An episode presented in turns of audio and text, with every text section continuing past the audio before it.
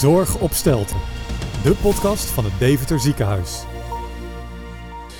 Dit is de Zorg op Stelten, de podcast van het Deventer Ziekenhuis over de nieuw te vormen strategie.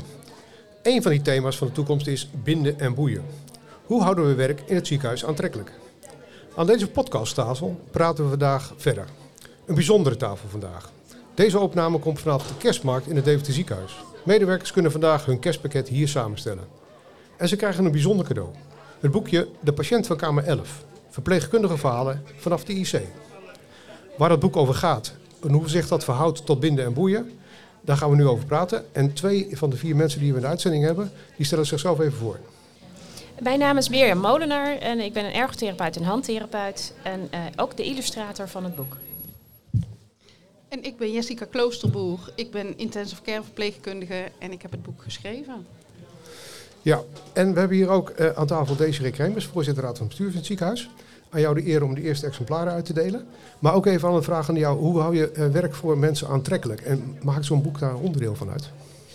Uh, we proberen het werk van mensen heel aantrekkelijk te houden. Door ze goed te betrekken bij ons ziekenhuis. Uh, waardoor ze elke dag weer heel fijn kunnen komen werken.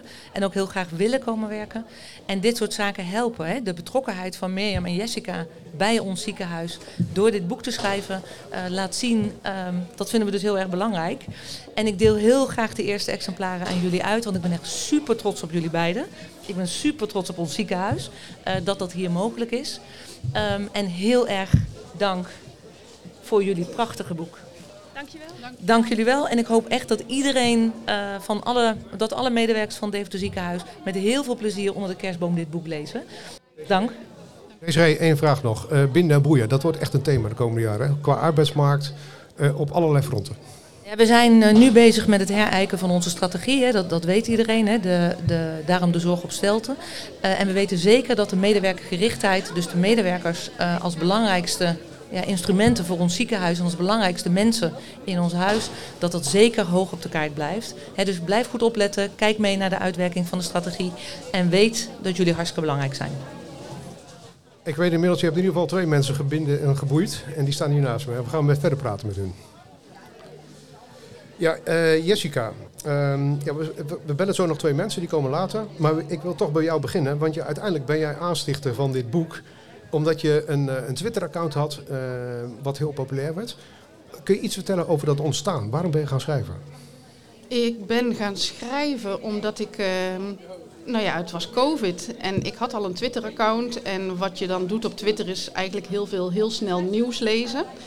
Um, en dat wat ik las, ja, dat klopte niet altijd met uh, wat ik zag in de praktijk. Dus er was heel veel negativiteit, heel veel spanning en angst. Was er ook heus wel op de intensive care, maar zodra ik op de IC kwam, uh, zag ik toch eigenlijk ook wel andere dingen.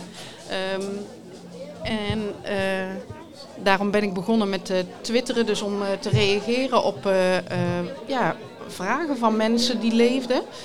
Um, eigenlijk recht vanuit de praktijk. En ik merkte dat dat echt heel erg gewaardeerd werd. Dus uh, uh, ik werd veel gedeeld. Ik kreeg ineens heel veel um, volgers. En toen dacht ik, oh, dit gaat wel heel erg snel. Volgers, 20.000 en meer? Ja, inmiddels 22.000. En um, nog steeds aan het groeien.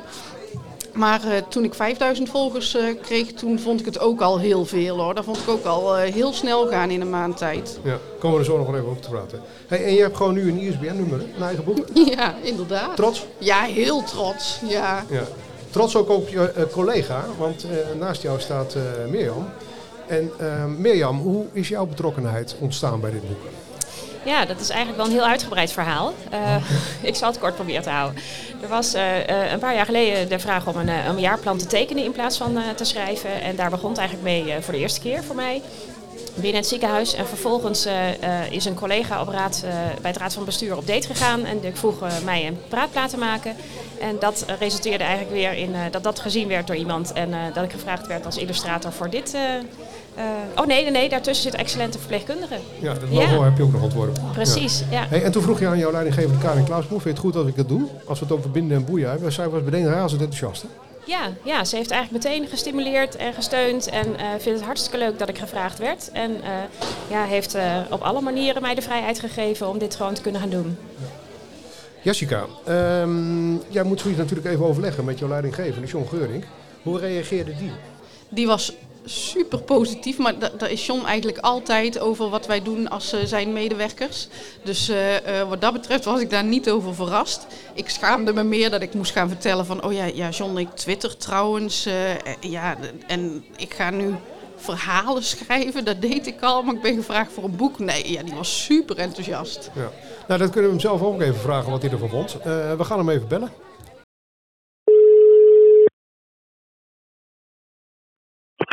Met John. John Geurink, goedemiddag. je bent in de uitzending, de podcast van het Deventer Ziekenhuis eh, bij de Kerstmarkt. We hebben, hier, Hallo. we hebben hier Jessica en Mirjam staan. Eh, Ja. Ik vroeg net eh, aan Jessica hoe reageerde John als leidinggever op het idee van dat boek. Ik zei, dat kunnen we Ja. ook zelf vragen. Eh, wat vond Ja. jij er toen Jessie daarmee kwam? Ja, ik was er volgens mij direct heel erg enthousiast over. Eh, want eh, ik, had al, ik had al wat stukjes gelezen op Twitter van Jessica. En eh, ja, ik vond dat ze heel erg mooi schreef. En ook dat je goed kon eh, eh, zien wat we op een IC doen. Dus ja, ik was heel erg enthousiast. Ja. De aanleiding was eigenlijk corona. Je bent ook geveld corona nu. maar Ja, kijk, eens, klopt, kijk eens als leidinggever er terug op die tijd. Hoe spannend was het voor jullie? ja, behoorlijk spannend. Ehm, je, je ziet dat in het boek van Jessica ook wel een beetje terug. Kijk, ehm, eerst dachten we van het gaat allemaal wel meevallen. Hè, dat wat daar in Italië gebeurt, dat gaat ons niet overkomen. Maar eh bleek toch anders in elkaar te zitten. En ehm, nou, dat was een heftige tijd. Ja, maar ook een mooie tijd. Ja. Hey, we hebben het een beetje over boeien en binden. Hè? Ja, Ehm, eh, hoe belangrijk vind jij dat mensen deze ruimte krijgen om dit soort dingen te doen? En hoe belangrijk is het voor jou als verpleegkundige op deze manier hun vak uitdragen? nou, heel, heel erg belangrijk. Eh, je je verpleegkundigen die hebben toch ook wat extra's nodig dan alleen het werk wat ze doen op de IC. En eh, als je daar de randvoorwaarden kunt creëren of faciliteiten voor kunt eh, creëren, dan maakt dat dat de medewerker toch weer meer gemotiveerd is. Ja. En, ehm, en dat levert ook heel veel op. Ja. Is er nog een verhaal bijgebleven of een passage in het boek waarvan je denkt van hé, hey, ehm, dat is voor mij wel typerend? Ja, weet je, er zijn, zijn heel veel dingen in het boek waar, waar ik, waar ik waar, ja, die me raken. Maar ik heb, ik heb nog eens eventjes nagekeken. Maar ehm, die 13, 13 uurse dienst eh, die zij beschrijft. ehm, nou, dat, dat, dat, dat heb ik persoonlijk eh, ook meegemaakt. Dat we naar die 12 uur diensten toe moesten. En dat was een hele moeilijke beslissing. En, en, en als je dan dat leest, zeg maar, dan voel ik dat weer. Dus dat raakt me, dat, dat raakt me behoorlijk. Ja. Hey, en dit boek gaat natuurlijk niet alleen over corona. Het gaat ook om wat er achter die klapdeuren van die IC gebeurt. Hè? Daar is nog wel veel Ja. onwetendheid over. Ja, dat klopt. Eh, weet je, het is wel zo dat tijdens die corona het, het wat, wat meer bekend is geworden. Eh, maar goed, waar het ook om gaat is, wat, wat doen we eigenlijk gewoon eh, als er geen crisis is? En, en, en, en wat is onze dagelijkse zorg op de IC? En ik denk dat je in dit boek dat ook terug kunt lezen. Eh, eh, hoe, hoe wij zorg verlenen en, en hoe mooi die zorg kan zijn. Ja, en dat er En vooral ook hoop is. Hè? ja, dat hoop en, en dat er ook mooie dingen gebeuren op IC. Eh, dat het ook gewoon een mooi vak is.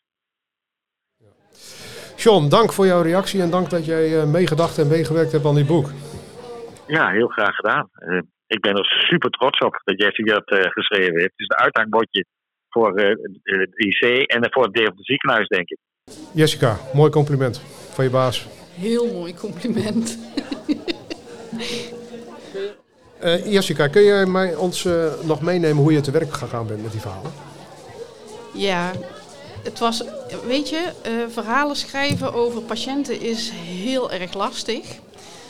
Want er is eigenlijk heel veel wat je ook niet kan vertellen. Want je wil ook niet eh, dat eh, verhalen heel erg eh, herkenbaar zijn, maar het moet wel allemaal kloppen eigenlijk. Ik schreef natuurlijk op Twitter. Wat ik deed is die tweets, als je lange tweets hebt, dan heet dat een draadje. Eh, die draadjes die heb ik eh, eh, eigenlijk tot een verhaal gemaakt, die een beetje eh, A4-formaat eh, waren. En door verhalen te combineren, bijvoorbeeld de patiënt op kamer 1 met de patiënt op kamer 2, eh, vertel je toch het echte verhaal. Hè? Je verandert ook details. Dus een man wordt een vrouw of iets anders. Wat natuurlijk niet, dat, je, dat doe je niet structureel, want anders weet je nu ook dat alle mannen in mijn boek vrouwen zijn. Maar zo probeer je wel een beetje om eh, eh, het verhaal eigenlijk toch zo waarheidsgetrouw neer te zetten, maar met alle privacy voor de patiënten. We hebben het over binden en boeien. Bindt jou dit dan meer als een ziekenhuis door zo'n project te doen? Ja, het ik moet zeggen, want we hadden net John aan de lijn. En als je iemand hebt die echt een kanjer is in zijn personeel binden en boeien, ja, dan heb je dat John wel. Dus ik, ik was al heel erg gebonden aan dit ziekenhuis. En ik werk hier al heel erg graag. En ik denk dat wij heel erg goed zijn eh, in die Sallandse aandacht. Niet alleen naar de mensen die wij verplegen, maar ook naar ons personeel. Daar heb ik altijd al gevoeld. En ik denk dat dit ook een resultaat daarvan is. En niet zozeer dat ik me nu meer gebonden voel dan daarvoor. Mirjam, eh, hoe is dat voor jou? Heb je wel het gevoel van, hé, ik wil echt nog meer bij het ziekenhuis dan ik al was? Nou, ergens wel een beetje. Ik voel me wel echt gezien door het ziekenhuis. En dat, eh, eh, ja, ik was inderdaad ook al erg gebonden aan het ziekenhuis. En werk hier niet voor niks al heel erg lang. Maar ja, door zo'n project als dit, ja, heb ik dat wel meer. Ehm, Jessica, het boek heet De Patiënt van Kamer 11. Hè? Waarom is dat een bijzonder verhaal? Dat is een bijzonder verhaal, omdat het ehm, een verhaal is wat mij eigenlijk heel erg heeft aangegrepen. Eh, die nachtdienst eh, van die patiënt van Kamer 11, dat gaat over een nachtdienst eh, van, met oud en nieuw. En ja, die was gewoon heel heftig. Alles kwam samen, maar vooral mijn gevoel voor verantwoordelijkheid voor de patiënten die we op dat moment hadden liggen. Maar ook mijn collega's en het gevoel van verantwoordelijkheid voor de leerling. Ja, dat, dat, dat kwam allemaal bij elkaar en dit verhaal is gewoon heel belangrijk voor mij. Hey, en toen was je opeens bij eh, Radio 1. Landelijk nieuws. eh RTW Oost zat je in de studio. Wat doet dat met je? Ja, ik vind dat heel spannend. Want wanneer zit je nou bij de radio en bij televisie? Ja, het, het is allemaal een beetje vervreemdend eh, eh, wat dat betreft. Maar je, je, ja, je groeit er ook in. En ik vind het wel heel bijzonder dat deze aandacht ervoor is. En ik probeer er ook maar met volle teugen van te genieten. Is ook, de, is ook de boodschap van nee zeggen is altijd het makkelijkste. Hè? Van als je zegt nee, ik ga geen boek maken. Maar als je ja zegt, dat er heel veel op je afkomt wat prachtig is. Ja, klopt. Ja. En dat geldt voor jou meer, denk ik ook. Hè? Ehm, want hoe ben jij te werk gegaan met je tekening? Ja, ik eh, kreeg de verhalen en die heb ik eerst maar eens heel goed gelezen. En eh, al snel kreeg ik eigenlijk plaatjes in mijn hoofd eh, die eigenlijk heel beeldend waren bij het verhaal. En eh, eh, toen heb ik gewoon ja, eh, pen, papier gepakt, potlood, kleurpotlood, waterverf. ehm, en ik ben gewoon gaan schetsen. Of dat plaatje zeg maar, goed werd voor wat ik in mijn, ook, ook in mijn hoofd had. Maar ja. vervolgens heb je een iPad gebruikt om het dan tot een mooie tekening te maken. Ja, en daar ben ik er heel erg blij mee. Omdat eh, gaandeweg eh, had ik een tekening af en dan las ik het verhaal nog een keer. En toen merkte ik, oh, wacht even. Iemand heeft toch geen badjas tot aan zijn knieën, maar tot net over zijn billen. Dus dan kon ik dat veel gemakkelijker aanpassen. Eh, een hemiparese die er ineens was, die ik nog niet eerder had ge- opgemerkt. Of, ja, dat was heel fijn. Bij een iPad kan dat. Hey, en die tekeningen zijn zo mooi, hè? Denk je eh, niet van, hé, hey, misschien is dat wel een nieuwe carrière? Dat zou ik wel echt geweldig vinden. Ja, ja, ik heb echt wel. Ik merkte dat ik hier zo blij van werd dat ik dacht, dit wil ik vaker doen en meer doen. En eh, ik weet nog niet helemaal ja, in welke vorm, hoe en wat. Maar eh, ik ga hier zeker mee door. Ja, Mooi dat die eh, ruimte geboden wordt door zo'n ziekenhuis. ja Jessica, je steekt je vinger op. Ik wou nog even zeggen, want ik weet nog het moment dat eh, Mirjam mij de illustraties eh, toestuurde en ik het eh, bestand opende en ik zag haar tekeningen en ik dacht echt, nou ik zat gewoon met tranen in mijn ogen. Dat, is niet overdreven, maar ik dacht ze heeft, ze heeft de verhalen begrepen. Dus ik heb het goed geschreven en, en jij hebt het echt geraakt, dankjewel. Eh, Jessica, het voorwoord van het boek is geschreven door Sander Olsson, longarts in, in Assen. En zelf twitteraar en boekenschrijver. Ehm we gaan hem even bellen eh, waarom hij dat eh, voorwoord heeft geschreven en wat hij er van jouw boek vindt. Met Sander Wilson. Sander, eh Ronald Buitenhuis hier vanaf de Deventer Kerstmarkt van Deventer Ziekenhuis. Welkom in onze podcast. Hallo. Sander, ehm, jij hebt het voorwoord geschreven voor het boek van Jessica. Ehm, Ja, maar jij bent, zelf ook, zeker. jij bent zelf ook auteur, hè? Ik heb zelf eh, eh, twee boeken geschreven over de zorg, over palliatieve zorg. Dus de zorg voor patiënten die ongeneeslijk ziek zijn. eh. Ja. Wat, en je twittert veel, ik volg je ook. Wat doet dat met je als je veel twittert, bekend wordt en boeken gaat schrijven? Hoe belangrijk is dat voor je persoonlijke ontwikkeling? Nou ja, je moet niet eh, altijd veel persoonlijke dingen gaan twitteren. Ehm, dat, doe- dat doe je met 30 volgers wel, maar niet als je er 55.000 hebt. Eh, dus je moet je woorden wegen. Je weet dat je invloed hebt. Eh, en daar weet Jessica ook alles van. Eh, die, is overigens, die is overigens absoluut niet bang voor reacties. En dat waardeer ik ook echt. Ja. Je hebt het boek gelezen van Jessica. Geef eens een mening. Wat vond je ervan? Ja, prachtig. Mooie verhalen. Dicht, dicht bij de patiënt geschreven. Ehm, belangrijke verhalen, wisselend hè, over corona. Ehm, ja, ik, ik vond het erg indrukwekkend, moet ik zeggen. Ja. Hoe belangrijk vind jij dat eh, mensen als Jessica, dus het verpleegkundige vak, hè, ook dit soort verhalen delen? Ja, heel belangrijk. Eh, laten zien wat er achter die gesloten deuren gebeurt. Want het is geen topgeheim. Het is, het is belangrijk dat we laten zien wat het, waar de zorg voor staat. Wie wij zijn, wat we doen, wat we kunnen en ook wat we niet kunnen. Ja. En, en, en artsen horen en zie je dan nog wel eens, maar verpleegkundigen weer veel minder. En dat is dit wel een mooie, mooie tool om, om die wereld ook zichtbaar te maken. Misschien ook wel voor een arbeidsmarkt voor de toekomst. Ja, ik denk dat Jessica eh, bij uitstek kan laten zien waarom dat vak zo ontzettend belangrijk is. En dat heeft ze met verven gedaan. Ja. Wat zei je nou? Je hebt 55.000 volgers op Twitter. Ja, op, op Twitter. Ja. Maar je weet als dit boek uit is, dan eh, Jessica je voorbij gaat, hè? Eh, ik daag haar uit. ik daag haar uit. Dat mag. Dat mag. Ja. Ja. Hey, hey Sander, je hebt eh, twee boeken geschreven zelf over palliatieve zorg, hè? En de laatste is net uit. Wat is het laatste boek? Het laatste komt over twee maanden uit. Dat heet Leven toevoegen aan de dagen. Waarin een journalist mij volgt in mijn werk. Eh, we beschrijven eigenlijk samen de weg die je aflegt van het slecht nieuwsgesprek tot ver na de dood. Hè, hoe, je, hoe je naasten naar je kijken. Nou, dat, eh, dat beschrijven we samen. Eh, Sander, hartstikke leuk dat je even in onze uitkwam, eh, uitzending kwam. Je hebt het voorwoord geschreven. Prachtig voorwoord. Mensen kunnen het eh, lezen als ze het boek eh, bemachtigen. Dank voor je toevoeging. Ja. Eh, Jessica, nou leuk om te horen eh, dat Sander dat zegt. Ja, zeker. Hij, hij is mijn grote voorbeeld. Eh, ik volgde hem al heel erg lang. Dus ja, het is prachtig om hem dit te horen zeggen. Dat is echt een compliment. Ja. Hey, nou las ik pas een, eh, een tweet en die raakte mij wel weer. Eh, want daar schreef je, een jaar geleden schreef ik tijdens een rustige, nachtdienst naast het bed van mijn patiënt aan een boek. Vannacht vroeg mijn blinde patiënt, die Storytel al wel zo'n beetje heeft uitgespeeld, of ik het boek aan haar wilde voorlezen.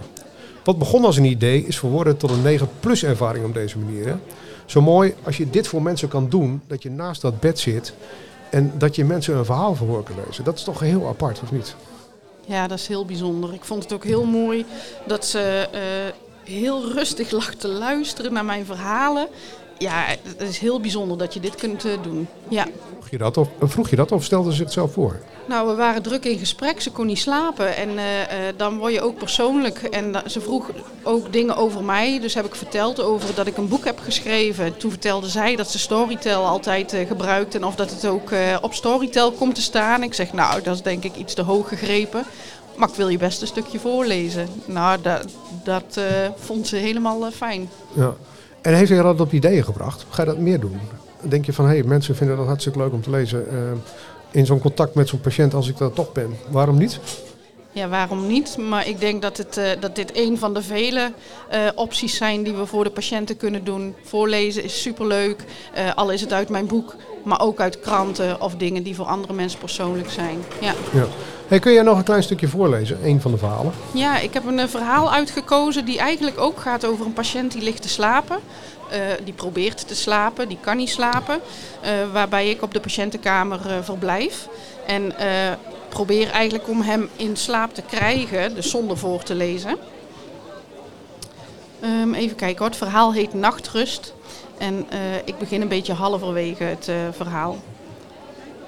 Ik weet dat hij niet slaapt. Dat zie ik aan zijn houding. Ik hoor het aan zijn ademhaling en ik zie het op de monitor. Af en toe hoest hij krachtig en hoor ik dat er veel slijm mee komt. Ik hou een tissue bij zijn mond zodat het vieze slijm uitgespuugd kan worden zonder dat hij mij daarom hoeft te vragen om hem hierbij te helpen. Zijn ogen laat hij gesloten. We praten verder niet. Ik hoef geen dankjewel voor elke handeling die ik voor hem doe. Ik weet dat ik die aan het einde van mijn dienst toch wel duizendmaal zal krijgen en dat is meer dan nodig is. Rust, reinheid en regelmaat zijn van ongekend belang. En juist deze dingen ontbreekt het nogal eens aan op de IC. De IC betekent verlichting, niet alleen in de betekenis van herstel, iemand verlichting bieden, maar ook van knipperende lampen op de kamer, een grote lamp op de gang. Het betekent geluiden, vreemde beangstigende geluiden of inmiddels hele bekende irritante geluiden. die onder je huid gaan zitten wanneer het verder stil is. Zoals de tikkende klok die ik niet meer hoor tijdens mijn werk, maar mijn patiënt wel. Mijn patiënt heeft behoefte aan mijn nabijheid en aan de andere kant het meeste baat bij rust. Dus waarom deze twee dingen dan niet combineren? Ja, uit het leven van de IC-verpleegkundige gegrepen. Dat is dagelijkse praktijk voor je. Hey Mirjam, uh, we staan hier op de kerstmarkt en er zijn mensen aan het shoppen en kruidjes en die krijgen jouw boek. Uh, er zijn 3000 medewerkers die dat krijgen. Hoe bijzonder is dat? Dat gewoon 3000 medewerkers en straks ook mensen buiten dat ziekenhuis dat boek van jou met jouw tekeningen in hand hebben. Heel gek. Ik merkte ook vooral dat uh, de term illustrator moet ik ook heel erg aan wennen. Ik weet niet of jij dat ook had, uh, Jessica. Maar uh, ik ben gewend ergens een opleiding voor te doen en dan een titel te krijgen. En heerlijk gewoon lekker te tekenen en hier wat moois van te maken. En dan de titel ontvangen. Nou, dat is echt heel gek. Dus ik moet er heel erg aan wennen. Het is als ik door het ziekenhuis loop als een soort positieve douche. Iedereen die je aanspreekt en die zegt dat hij het leuk dat vindt. Dat veel? Word je veel aangesproken? Ja, ja, ja, te pas en te onpas eigenlijk. Uh, nee, maar alleen de aankondiging. En dat was al uh, voldoende om ze even aan te spreken. Ja, ik had het een klein beetje stilgehouden. Dus er waren een aantal collega's die het wisten. Um, en er waren dus heel veel collega's die vooral verrast waren met... ik wist niet dat je tekende en wat leuk dat jij daarvoor gevraagd bent. En uh, nou, ze ervaren eigenlijk hetzelfde als wat ik ervaar. Met dat het gewoon heel bijzonder is dat het ziekenhuis dit mogelijk maakt. En uh, ja, ons eventjes in de schijnwerpers zet. Want zo voelt ja. het wel een beetje. Jessica, want je hebt ook veel IC-collega's. En die zijn natuurlijk heel nauw betrokken. Die herkennen dat. Wat was hun reactie? Ja, ik heb alleen maar positieve reacties gehad van mijn collega's. Ik vond het heel belangrijk om van tevoren heel duidelijk aan te geven wat precies het idee was achter mijn boek. En dat je niet zomaar in een boek zou verschijnen zonder dat je weet van oh, dit gaat over mij. Dus ik heb ook alle collega's uh, die wilden, die heb ik de kans gegeven om het boek al te lezen, om mee te denken. Maar ja, iedereen was super positief. Ja, even nog uh, applaus voor, voor John die we in de uitzending hadden. Huub van Hoeven, uh, interviewist, heeft uh, helemaal met jou meegelezen en het project gesteund. Hè? Ja, zeker. Ja. Nou, geweldig. het boek is dus voor alle mensen die op de kerstmarkt van Deventer Ziekenhuis komen, maar ook daarbuiten is het te koop. ga dan naar www.dz.nl slash boek of ga naar de winkel in het ziekenhuis, daar is die ook te koop. Mirjam, Jessica, enorm bedankt voor dit project. En uh, we kijken uit naar deel 2. Jij bedankt voor dit project. Dankjewel. Ja, zeker. Ja, ik heb een kleine rol gespeeld.